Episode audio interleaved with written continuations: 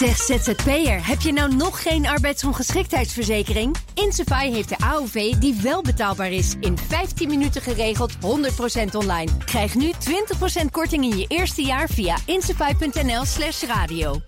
Die krimpt dit jaar niet 5, maar 4,2 procent. Dat en meer bespreek ik met het economenpanel. En daarin zit Esther Barendrecht, hoofd van Rabo Research... en Casper de Vries, hoogleraar monetaire economie... aan de Erasmus School of Economics. Welkom, dames en heren. Goedemiddag. Laten we beginnen met uh, de uitspraken van de hoofdeconoom van de Europese Centrale Bank, Philip Leen. Die heeft uh, zorgen over de vraag en het aanbod van krediet bij banken. Hij ziet verontrustende signalen. Dat schreef onder andere ook de Financial Times afgelopen week. Casper, hoe verontrust ben jij? Uh, nou ja, het, het, komt van twee kanten. Het, het, interessante is dat ook de vraag beperkt is. dus dat is één ding. En dat komt natuurlijk omdat het slecht gaat met de economie. Uh, aan de andere kant, het, uh, het aanbod uh, stokt ook. En dat komt gewoon door het, de, het beleid van de ECB, die alsmaar meer met haar opkoopbeleid die rente drukt. Waardoor de marge die banken hebben kleiner wordt. En, en ten tweede natuurlijk de stroppenpot die steeds meer gespekt moet worden. Ja, maar wacht heel even hoor. Want, want vraag en aanbod zijn beide op een heel laag pijl. Um, en dat is toch problematisch. Nou ja, dus de vraag is of de ECB daar veel aan kan doen, of dat toch de overheden nog meer moeten stimuleren. Uiteindelijk moeten zij dan ook lenen. Uh, maar ik, denk eerder dat uh, de, de overheden aan zet zijn dan de ECB. Want de ECB die, ja, die, die werkt eigenlijk met een tang uh, aan de ene kant. dus uh, moet, moet de bank ook meer gaan reserveren voor die uh, stroppen. Ja. En, en ja, het opkoopbeleid zorgt ervoor dat die rente dus steeds lager wordt. Ja, dan, dan is het gevolg dat ze minder hè, scheutig worden met krediet. Maar de, de ECB zegt toch ook uh, met enige regelmaat dat overheden toch zeker ook uh, een taak te volbrengen hebben en, en doet ook een beroep op die overheden? Nee, ja, dus, dus ik denk dat de overheden meer aanzet zijn regeringen en de, e- en, uh, de EU zelf, dan uh, dat nu de ECB dit weer moet gaan. Uh, als ze dus meer gaan opkopen, dan gaat ja. het niet werken. Dus het enige wat ze zouden kunnen doen, is nog makkelijker voorwaarden stellen bij de LTRO's. Dat zijn die middellange leningen die ze aan banken verstrekken. Maar je zegt dan gaat het niet werken. Volgens mij is het nog zeker niet gezegd dat er niet een volgend opkoopprogramma komt. Er zijn toch ook binnen de ECB nog altijd mensen die zeggen: ja, wij moeten klaar blijven staan. En dat kan betekenen dat we dat opkoopprogramma verlengen of vergroten. Ja, maar dan, dan bijten ze dus in hun eigen staart. Want dan wordt de, de rentemarge voor die banken nog weer dunner of kleiner. Waardoor die banken denken: ja, ik kan die kredieten niet verstrekken, want ik kan onvoldoende onvoldoende ruimte als het tegen zit. Uh, uh, die, die verliezen op te, op te, Vangen. op te nemen. Ja. Ja. Esther, dus, dus, Esther wat, wat, denk jij hiervan? Want, want volgens mij zegt Casper hier dat er twee sporen worden gevolgd die eigenlijk steeds verder uit elkaar lopen. Het, het, het werkt niet op deze manier. Nou ja, het zegt inderdaad wel heel veel over de ja, ontzettend ingewikkelde balanceeract... die we eigenlijk met z'n allen moeten uitvoeren... om dat, om dat herstel na de coronacrisis een kans te geven. En daarin spelen uh, zeker banken een rol... die natuurlijk de economische activiteit uh, financieren. Maar daar spelen ook... Ja, in, de, de ECB zelf speelt daar een rol in met hun stimulus... die inderdaad intern nog niet helemaal onomstreden is, zou ik zeggen... Um, maar, um, ja, maar, maar ja, waarschijnlijk toch wel weer wat. Uh, wel weer wat verlenging komt van instrumenten die ze hebben gezet. En, en daarin spelen natuurlijk ook inderdaad gewoon de begrotingsautoriteiten, hè, dus de regeringen van de lidstaten, een rol. En uh, ja, al die partijen die, die, uh, die moeten het, ja, het op zo'n manier doen dat het allemaal goed samenkomt. En dat is inderdaad best ingewikkeld. Maar die, die begrotingsdiscipline, die kan volgens mij, is dat uh, toch al een, een, paar maanden aan de gang, wel wat worden losgelaten, toch? Dus daar ja, wordt wel wat naar gekeken. Zeker, nee, maar die begrotingsdiscipline die is ook zeer. Ik bedoel, daar is heel duidelijk gekozen. Met he, ook in Europese coördinatie is gezegd van we laten die begrotingsnormen voor nu even los. Zodat iedereen zijn economie kan, uh, kan stutten en kan, kan stimuleren waar nodig. Um, maar wat de ECB nu eigenlijk zegt is van ja, dat moet, die landen moeten dat ook niet te snel terugtrekken. Want dan zou die, die lage vraag naar leningen en, die, en ook dat lage aanbod, nou ja, die, dat zou een soort van negatieve dynamiek kunnen gaan veroorzaken als je te snel die steun terugtrekt. Uh, en tegelijkertijd zeggen ze ook, uh, er, er is ook, zijn ook risico's bij te lang doorgaan. Ja. Dus ja, dat is natuurlijk best een... Ja, maar ja, ze kunnen natuurlijk toch die vraag stimuleren door nieuwe initiatieven. Ik bedoel, dat is ook wat, wat uh, de EU voorstaat met haar ja, toch een zeer omvangrijke programma van 700 miljard. Uh, dus het is, je, je, als je af gaat bouwen, dan moet je misschien wel zorgen dat die vraag blijft. Maar juist door nieuwe initiatieven te stimuleren, waardoor er weer meer in het MKB, uh, het MKB ruimte ziet om te investeren en omdat ze opdrachten gaan krijgen. Ik, ik zag iets over de kredietverlening. Dat wordt zo één keer in de zoveel tijd ook naar buiten gebracht. Ik denk op maandbasis. Consumenten hebben heel veel meer geleend volgens mij. En bedrijven niet of nauwelijks. En als ze dan meer geleend hebben, dan vooral noodkrediet. Uh, Esther, wat zegt dat eigenlijk? Ja, dat, kijk, dat bedrijven weinig lenen, dat uh, zegt dat zij eigenlijk uh, op dit moment niet het vertrouwen hebben om te investeren. En dat is natuurlijk wel een hele belangrijke constatering. Uh, en, en eentje waarvan je echt hoopt dat er verandering in kan komen. En dan moet ik zeggen dat even los van alle instrumenten en alle steun die aan alle kanten wordt gegeven, volgens mij een hele belangrijke factor daarin ook gaat zijn de ontwikkeling van het virus. En de, ja, de, de toch wel hoopvolle berichten van, uh, van, van goede vaccins van de laatste weken, die geven mij toch wel weer hoop dat dat ook bedrijven weer meer vertrouwen geeft om, uh, om die investeringen in de toekomst te doen. Ja. omdat er, ja, zeg maar, het, het einde is in zicht. Dus je gaat nu denken van nou, ik, ik weet nu ongeveer waarschijnlijk hoe lang ik moet overbruggen en wanneer ik weer klaar moet zijn voor een economie die zich gaat normaliseren. Dus dat, dat, uh, ja, je, je hoopt dat dat echt een positieve invloed gaat hebben. Maar uh, op dit moment zien we dat dus dan nog niet in de cijfers. Nee, en, en Casper Bank hebben natuurlijk nu ook nog te maken met hoe de situatie op dit moment is. Uh, vrezen voor wanbetalingen, voor slechte leningen. volgens mij heeft de ECB ook gezegd dat die banken over het algemeen net iets te optimistisch zijn. Dat er toch nog wel degelijk een grotere stroppenpot moet worden aangelegd. Kan dat een probleem worden? Want als je kijkt naar de vorige crisis, dan was dat een probleem. Is dat nu potentieel weer een groot risico? Nou ja, de, de, de stroppen lopen op. En uh, dit is eigenlijk een. Bij de vorige crisis kwam het in één keer, omdat de banken zelf enorm in de problemen zaten. Ja. En hun waarde achteruit ging. En, en hun beleggingen, de waarde van de, hun investeringen. En nu is het een, een, een, een, in slow motion gebeurt dit. Het bouwt zich op over de tijd. Uh, in het begin gingen er heel weinig bedrijven failliet. Uh, faillissementen namen zelfs af ten opzichte van vorig jaar. En dat kwam natuurlijk door die steunmaatregelen zoals NOE en, en TOZO. Ja, en nu begint zich dat op te bouwen. En, en, en ja, hoe lang dat precies doorrolt. Het is eigenlijk als, als een uh, olietanker die heel langzaam van koers moet veranderen. Ja, en dan onderweg gaan er steeds meer dingen fout. Dus, daar moet, dus eigenlijk is het, uh, het vooruitzien is heel erg belangrijk. En ook heel erg moeilijk. Want ja, zoals Esther zegt, ja, wanneer gaat uh, het, uh, het vaccin voldoende werken zodanig dat die economie terug kan komen. Ja, dat, dat is belangrijk. Maar ik denk, ik, ik, ik probeerde ook die parallel met de vorige crisis te trekken, omdat op dat moment eh, banken zelf een belangrijk deel van het probleem waren. Er is van alles geprobeerd ja. om ervoor te zorgen dat het stelsel stabieler is, dat de buffers groter zijn geworden, Klopt. zodat banken niet zomaar kunnen omvallen. Um, zorgt dat, en dat vraag ik jullie allebei, ik begin even bij jou Esther, voor, voor, voor extra vertrouwen, dat dat fundament in ieder geval op orde is? Of, of is dat uh, met iets te veel zekerheid gesteld? Nou ja, ik denk dat ontegenzeggelijk gaan de banken uh, deze crisis uh, ja, beter, beter in dan de vorige crisis. Hè. Dus de, de buffers zijn absoluut verhoogd en het toezicht is natuurlijk versterkt.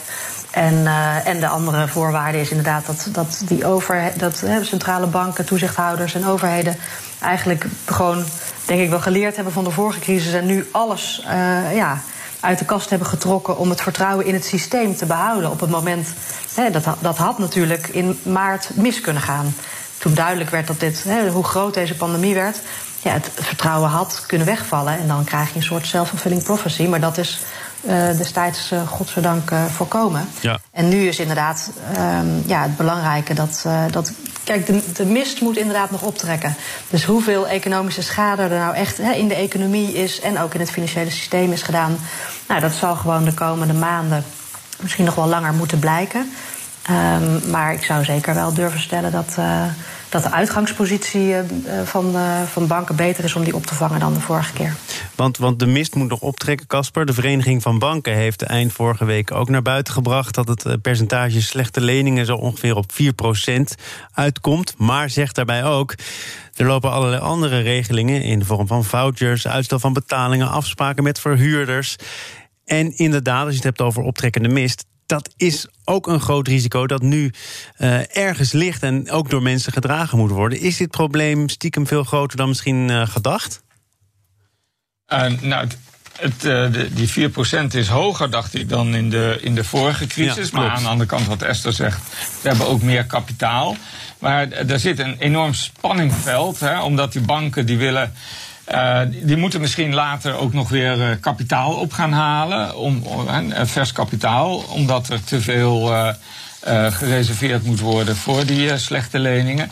Ja, en als ze meer kapitaal op willen halen, dan willen ze laten zien dat, dat, dat ze er voldoende goed voor staan. En daarom willen ze dividend uitkeren. Maar dat bijt dan weer, want als je dividend uitkeert, ja, dan heb je weer minder voorradig om te reserveren voor die slechte leningen. Dus die, die banken zitten in een behoorlijk spagaat.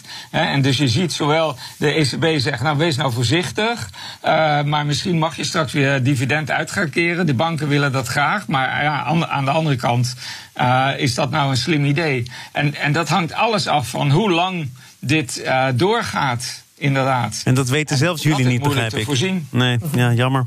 Eh, toch nog even één ding, Esther, want dat komt ook zo één keer in de zoveel tijd terug, ook van de kant van de ECB. Maar uh, dan wordt er gezegd, ja, banken staan er beter voor, maar ze moeten toch ook werken aan hun winstgevendheid. En uh, misschien dat dat wel bewerkstelligd kan worden door het allemaal efficiënter te organiseren. En dan is er daar weer, er moet een pan-Europese bank komen, er moet over de grenzen worden gekeken, internationale fusies. Uh, Mm Ja, ja. Jij kent natuurlijk deze discussie. Maar is het terecht dat die discussie wordt gevoerd? Nou ja, ik denk het op zich wel. Hè. Als je ziet dat uh, ja, Europese banken best wel een beetje worstelen met hun winstgevendheid. Dan, ja, dan is schaalvergroting natuurlijk een van de dingen waar je naar kijkt. En tegelijkertijd, mijn hm, hm kwam een beetje voort uit. Uh, de ervaring van voor de vorige crisis, toen er natuurlijk ook hard gewerkt werd aan de Europese schaalvergroting. Ja. Ja. En dat ging toch wel ja, gepaard met wat ongelukjes her en der. Uh, dus het is wel een proces wat je heel voorzichtig uh, ja, en wel overwogen moet doen. Ook daar kun je van leren, toch? Ja, ja natuurlijk. Ja. ja. Maar je, je, je, kan je afvragen hoeveel dat werkt. Want als je twee slechte banken bij elkaar uh, voegt, dan, dan lost dat eigenlijk niks op. Het is een soort illusiepolitiek, dat, dat samenvoegen van banken. Want de, de hoeveelheid schulden die blijft hetzelfde, behalve als ze heel sterk in de kosten kunnen snijden. En het tweede is, wat niemand ooit op wijst, zowel de ECB niet als ja, zeg maar de, de banken zelf met fusievoornemens, is dat het systeemrisico altijd toeneemt bij een fusie.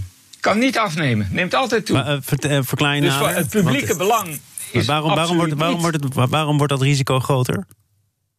Ja, dat kan je laten. Dat, dat, ja, dat is een beetje een bewijs, maar het is eigenlijk vrij makkelijk. Dus aan de ene kant, vanuit de individuele bank gezien, is er wel een diversificatievoordeel omdat eventueel de ander jou kan helpen mocht het heel slecht gaan bij jou.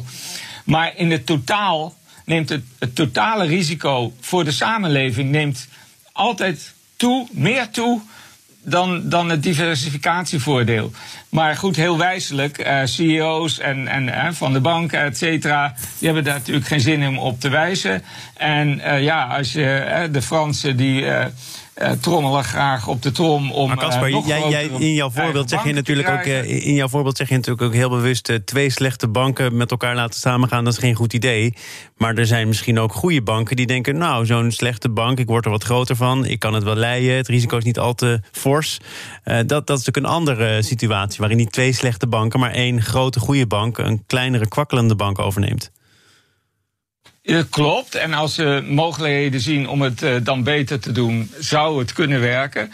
Maar dan nog het totale risico wat die twee banken bij elkaar hebben, uh, wordt er niet minder door. In eerste instantie. En het systeemrisico neemt toch altijd toe. Neem maar het hele eenvoudige voorbeeld. Stel dat we nog maar twee banken hebben. Die gaan samen. Heb je één bank, dan alles wat er kan gebeuren is dat die bank omvalt of niet. Dus het systeemrisico neemt altijd toe. Of je nou twee goede, twee slechte of een goede en een slechte samenvoegt. Ja, dat is een hele vervelende boodschap. Nou Ten ja, tweede, ik- ik, consumenten. ga, ik ga hem toch nog even toetsen bij Esther, want die is Ja. van Ja, Rabo Research. één punt. Oh, toch nog één punt, ja hoor. Consumenten die gaan er altijd op achteruit. Want de monopoliekrachtmacht van de banken neemt toe. Esther. En ook dat wordt eigenlijk altijd op de achtergrond gehouden. Ja, ja, volgens mij is het een beetje een zwart-wit wit beeld. Want wat, kijk, het, lastige is wel, hè, ook denk ik, en misschien ook wel meer geworden, dat banken natuurlijk wel steeds meer te maken hebben met hele grote instapkosten eigenlijk. Hè. Dus, want alleen al je digitalisering vraagt natuurlijk enorme investeringen om dat echt eh, goed eh, op peil te hebben en, eh, en, en mee te laten bewegen met de snelheid om ons heen. En je hebt natuurlijk gewoon de hele sterke toezichtvereisten, die ook niet bepaald minder zijn geworden. Dus, ja, de, dus de, de drempel, gewoon de kostendrempel, is gewoon heel groot voor een bank. En dat eh, vraagt natuurlijk toch wel gewoon om ja, banken met enige schaal. Dus eh, ik vraag me af of het zo zwart-wit is als jij eh, het voorstelt. Ja, ik- Ja, daar, er is een heel interessant boek van Philippon. Die heeft eh, de schaal voor- en nadelen van de bankensector in Amerika onderzocht. En die zegt, ja, de, de scha- het is, eh, de, de- het is een constante meeropbrengst. Er er is geen schaal voor of nadeel. Ik ga ook Dus een drempel opwerpen in de vorm van een jingle. Dan kunnen we nog naar een, naar een ander onderwerp. Zaken doen.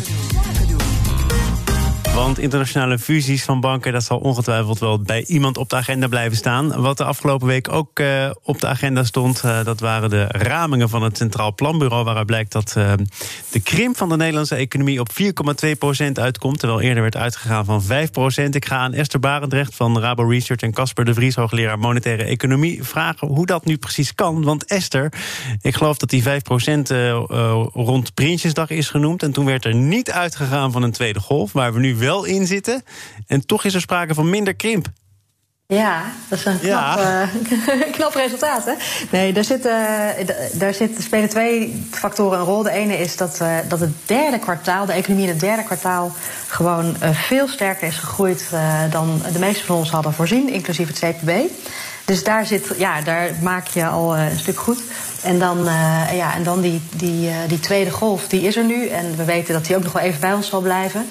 Eh, en tegelijkertijd is, de, is impact daarvan op de economie ja, niet zo zeker niet zo sterk als de eerste golf. Dus, ehm, ja, dus ik denk als je dat allemaal van tevoren had bedacht, dan had je er wat andere gewicht aan gegeven dan, dan wat nu blijkt.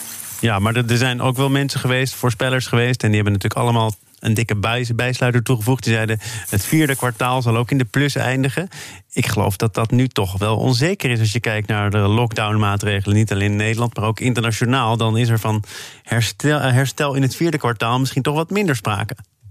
Ja, nee, dat, eh, ik ga er ook vanuit dat dat zeker ten opzichte van het vorige kwartaal een krimp eh, zal zijn. Ja, ja. Ja. Hoe, hoe kijk jij naar deze bijgestelde cijfers, Casper? Eh, ja, nou, ik denk dat Esther helemaal gelijk heeft eh, met haar opmerkingen. En dit is gewoon heel moeilijk eh, voorspellen in deze, deze periode. Maar ik ben wel, wel wat optimistisch. De, de veerkracht in de Nederlandse economie is groot. En dat komt mede door alle steunmaatregelen van de overheid. Waardoor op het moment dat we weer ja, uit kunnen gaan of een hotel, naar een hotel kunnen gaan, et cetera. ja, dan, dan veert die economie dus terug. Wat ook helpt, is dat de toelevering, bijvoorbeeld vanuit China, eh, weer op orde is. Die was het eerste. oh, eh, bij de eerste lockdown was die er absoluut niet. Waardoor heel veel eh, bedrijven ook tijdelijk moesten stoppen met produceren. omdat ze de onderdelen niet hadden. Eh, zo, ja, alles hangt met elkaar samen. Maar het lijkt erop dat, eh, ja, dat die economie best wel sterk terug kan veren. op het moment dat we weer met z'n allen eh, kunnen gaan eh, werken en besteden. Maar Als dat zo is, dan vraag ik me toch af waarom de verwachting voor volgend jaar, net als de krimp van dit jaar, ook weer naar beneden is bijgesteld. Dus we groeien volgend jaar wel, maar minder dan eerder werd aangenomen. Terwijl ik begrijp dat de portemonnee nog goed gevuld is van de meeste mensen, Esther. Ja, nou, dat, is ook, dat wordt een beetje een technisch verhaal, hè, Thomas. dat mag. Maar, Maar daarin het speelt mee. We zijn nu opgewarmd, kom maar. Ja, nee, daar speelt mee dat eigenlijk zeg maar, het, het vierde kwartaal van dit jaar... Die, die, die heeft effect nog in het groeicijfer voor het volgend jaar. Dus die tweede golf die drukt dat groeicijfer voor volgend jaar eh, eh, nog een beetje naar beneden. En, eh, en verder speelt ook gewoon mee eigenlijk dat... eh, dat eh, omdat de krimp dit jaar minder is... is ook het terugveren volgend jaar wat minder. Dus die samen. Het is niet, eigenlijk zit daar niet echt uh, nog nieuws in, in dat uh, bijgestelde cijfer. Nee, nee maar er werd toch ook door het CPB wel iets gezegd over koopkracht, over cao's, over loonstijgingen die. Tuurlijk, die, die, ja. Ja, die, die, die toch wel naar beneden worden bijgesteld. Voor volgend jaar, um, 2021. Ja, maar, ja, maar dat, dat zou ook geen nieuws. Uh, nee. Nee, nee, dat was te verwachten, denk ik. Ja, wat natuurlijk in algemene zin zo is, is dat we het hebben over de economie. En uh, dat doet misschien geen recht aan sectoren, Casper, ja, die niet zoveel hebben met de economie. Omdat ze nou eenmaal een horecabedrijf zijn of een uh, cultuurinstelling. Waar, ondanks dat het allemaal iets lijkt mee te vallen, natuurlijk hele grote klappen vallen. Nee, dat is absoluut waar. En, en daar, vandaar dat het belangrijk is dat we uh, de vraag in stand houden door te herverdelen van degenen die het goed hebben, zoals ik met een vaste baan. Ja, dan is het helemaal ook niet erg als, als voor ons de belastingen wat omhoog gaat. En als die gelden uiteindelijk uh, terechtkomen bij de, de, die paar sectoren die verschrikkelijk keihard zijn geraakt. Dus jij stelt echt voor jezelf en, en voor, voor de mensen die het goed hebben, jij stelt dus nu een belastingverhoging voor? Uh, nou ja. Uh, ja, ja, nou ja, we moeten ook maar een beetje, ja, we moeten een beetje herverdelen. Ik denk dat dat uh, de juiste politiek is.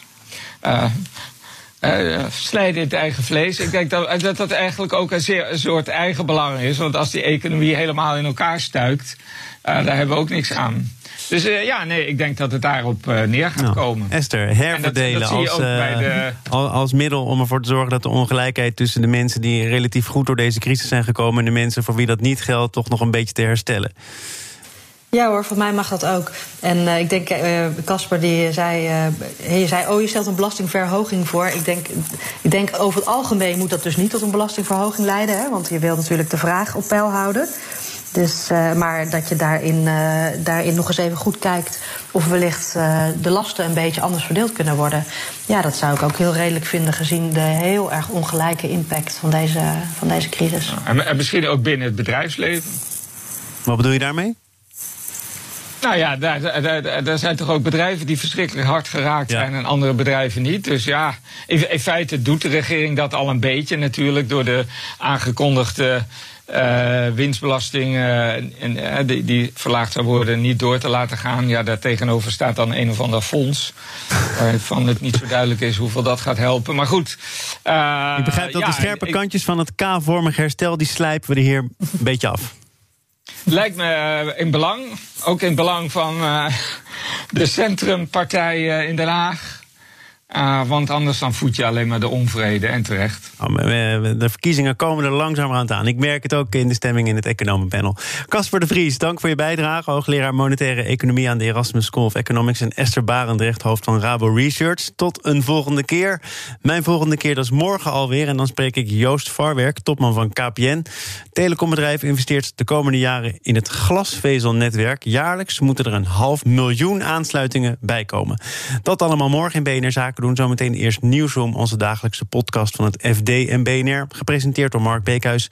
Veel plezier. Tot morgen. Zeg ZZP'er, heb je nou nog geen arbeidsongeschiktheidsverzekering? Insafai heeft de AOV die wel betaalbaar is. In 15 minuten geregeld, 100% online. Krijg nu 20% korting in je eerste jaar via insafai.nl slash radio.